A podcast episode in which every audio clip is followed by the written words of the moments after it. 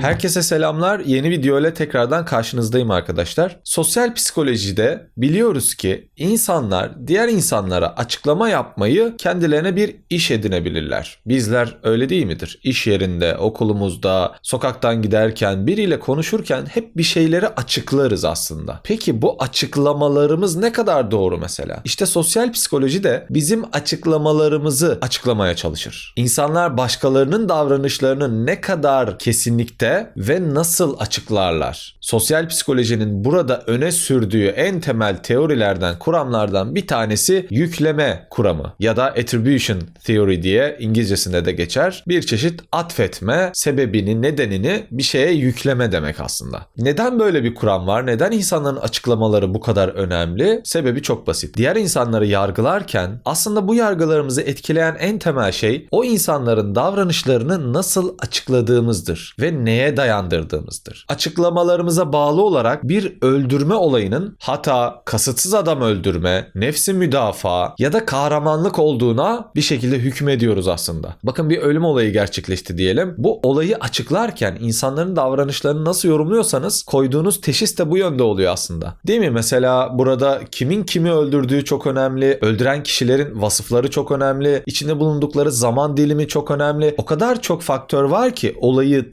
tanımlamamızı etkileyecek olan. Dolayısıyla bütün açıklamalara, bütün nedenlere dikkat etmemiz gerekiyor. Karşıdaki kişi ne yaparsa yapsın. Sadece bizim açıklamamız onun nasıl davrandığını söyler. Mesela arkadaşça bir şey söylediniz tanımadığınız birine. O tanımadığınız kişi bunu nasıl açıklarsa siz olsunuz artık. Bunu ya işte falanca kişi çok arkadaşça, çok samimice yaklaştı bana. Hiç tanımamamıza rağmen çok güzel selamlıyor. Her gördüğünde halimi hatırımı soruyor gibi bakabilir ya da o kişinin kendini dayatması olarak da görebilir. Onu rahatsız eden biri olarak da görebilir. Peşine takılan, ondan bir çıkarı olan kişi olarak da görebilir. Bakın yapılan davranış aynı olabilir ancak farklı insanlar bu durumu farklı değerlendirebilir. Bu da demektir ki davranışların kendisi değil, olayın kendisi değil, bizim açıklamalarımız, bizim düşüncelerimiz o olayın ne olduğunu bize anlatıyor. Bu tarz nedensellik yüklemelerinde bu nedeni bazen kişiye yüklüyoruz, bazen duruma yüklüyoruz. Mesela savaş sırasında birini öldürmeniz aslında çok da tuhaf bir şey değildir ve o kişi katil olarak adlandırılmaz. Ancak savaş yok ortada. Herkes barış içerisinde yaşıyorken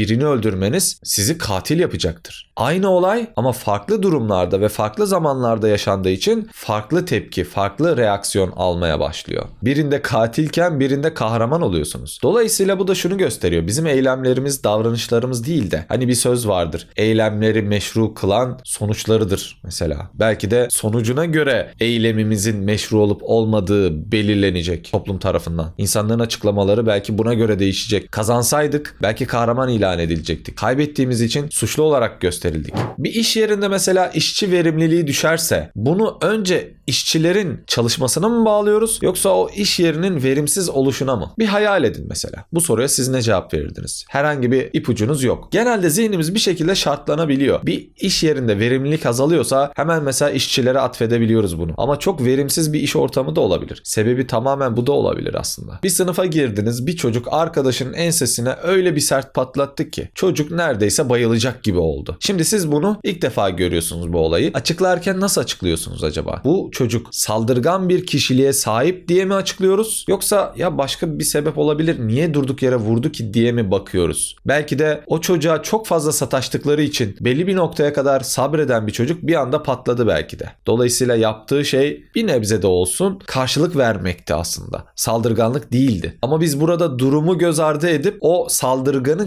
kişiliğine atfediyoruz bütün durumu. Halbuki onun yerinde kendimiz olsaydık kendimizi değerlendirirken kendimizi kolayca haklı çıkarabiliyorduk. Neden? Çünkü karşı taraf bana zaten satışıyordu. Bunu hak etti deyip kendimizi temize çıkarabiliyorduk. Ama başkası bunu yaptığı zaman o kişinin içinde bulunabileceği durumları, psikolojisini göz ardı ediyoruz. Sadece dışarıdan göründüğü şekliyle açıklamaya çalışıyoruz o davranışı. Dolayısıyla onu bir suçlu gibi görüyoruz hemen. İnsanlar farkında olmadan diğer insanların davranışlarını bu şekilde analiz etmek isterler. Tabii tabii ki hatalar yapabiliyorlar. Özellikle eşler arasında mesela bu tarz şeyler gözlemlenmiş 1985'te 1988'de bazı araştırmalarla ve şu fark edilmiş. Eşler birbirlerini çok iyi analiz ediyorlar. Ancak sıcak davranışlarda mesela eşiniz geldi durduk yere sizi öptü. Bunun nedenini çok fazla araştırmıyoruz ama soğuk bir davranış sergilediği zaman bunun nedenini daha çok araştırıyoruz. Yani analiz yaparken de karşı tarafın olumsuz davranışı bizim için daha önemli hale geliyor. Ve şu saptanıyor eşler arasında bu tarz soğuk davranış olduğu zaman eğer iki çift mutluysa ve birbirini gerçekten seviyorsa genelde açıklamalar karşı taraf soğuk davransa bile karşı tarafın kişiliğine değil de ya belki morali bozuktur bilmiyorum hani belki iş yerinde bir şey yaşadı falan ya da trafikte bir şey yaşadı ondan olabilir diyorken evliliklerin mutsuz bir şekilde ilerleyen birbirini çok fazla sevmeyen eşler bu olumsuzluğu devam ettirecek şeyler söylemeye başlıyor. Mesela eşi buluşmaya geç kaldı. E, bu olumsuzluğu devam ettirmek adına diyor ki geç kaldı çünkü beni önemsemiyor. Hemen böyle bir açıklamaya ihtiyaç duydu. Bu durum evet onu rahatsız etse de olumsuz bir şey olsa da aslında farklı bir açıklama da getirebilirdi. Belki eşi trafiğe takıldı, belki bir işi çıktı, belki hasta, yavaş yürüyor falan bir sürü sebep bulabilirdi. Ama ilk açıklaması geç kaldı çünkü beni önemsemiyor ise burada mutsuz giden bazı şeyler var. Bazen olumlu davranışları da böyle açıklayabiliyoruz. Yani eşim çiçek almış çünkü benimle cinsel ilişki istiyor bu akşam. Böyle bir şeye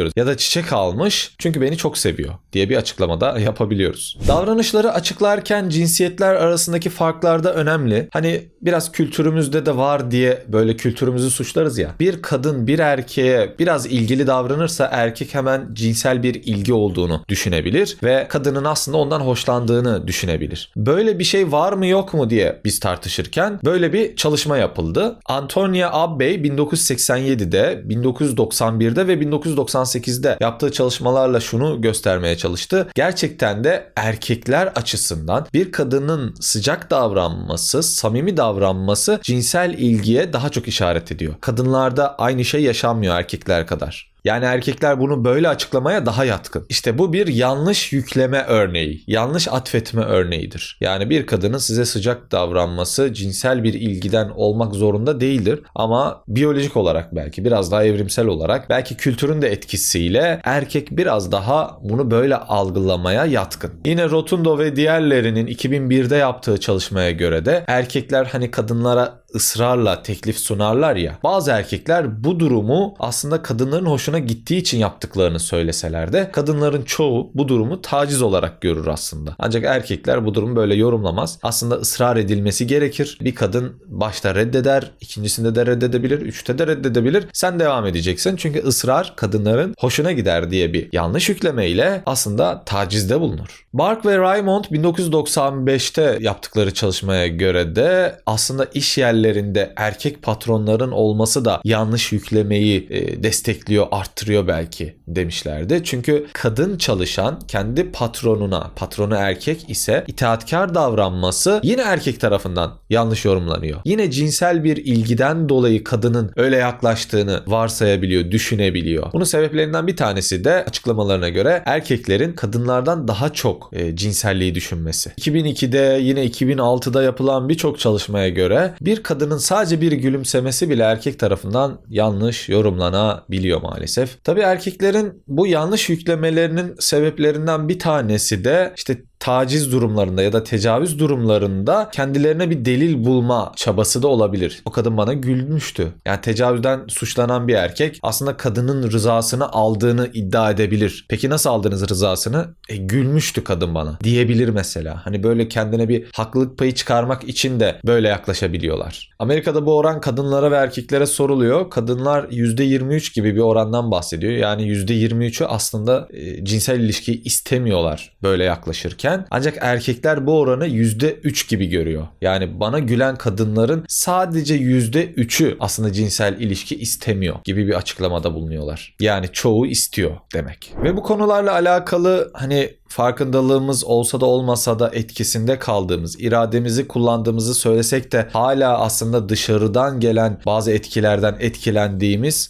durumları çok güzel özetleyen bir görsel paylaşacağım sizinle. Ben hatta bu görseli Twitter'ıma sabitledim. Ee, bir şekilde sayfama gelen herkes bu ifadeyi görsün ve bir şekilde yorumlamaya çalışsın istedim. Size de bu görseli göstermek istiyorum. Burada domino taşlarını insanlar olarak aslında gösteriyorlar bize. İşte bir tanesi diyor ki bunların hiç iradesi yok. Ben kesinlikle buna katılmayacağım. Kimse beni istemediğim bir şey yapmaya zorlayamaz diye böyle tek tek insanlar kendi düşüncelerini ifade etseler de domino taşı etkisiyle diğer taşların devrilmesi gibi aslında bizler de her ne kadar yapmayacağım, etmeyeceğim, etkisinde kalmam, kimse beni zorlayamaz desek de birçok şey tarafından etkileniyoruz. Bazı hatalardan, bazı yanlış nedensel yüklemelerden dolayı insan davranışlarını yanlış açıklıyoruz, yanlış yorumluyoruz, yanlış etiketliyoruz. Dolayısıyla bizler de verdiğimiz yanlış kararların arkasından yanlış davranmaya başlıyoruz. İnsan davranışlarını açıklarken yaptığımız bir hata da davranışın sebebini ya kişiliğe yüklüyoruz ya da duruma yüklüyoruz mesela. Burada hızlı karar veriyoruz tabii ki. Örneğin bir öğretmensiniz ve bir çocuk derslerine iyi çalışmıyor. Burada o çocuğun o sınavdan düşük almasının sebebini çocuğun kişiliğine atfedebilirsiniz. Yani içselleştirebilirsiniz. Bu çocuk tembel, çalışmıyor, bu çocuk haylaz, yaramaz deyip onun kişiliğine atfedebilirsiniz. Ya da bu çocuk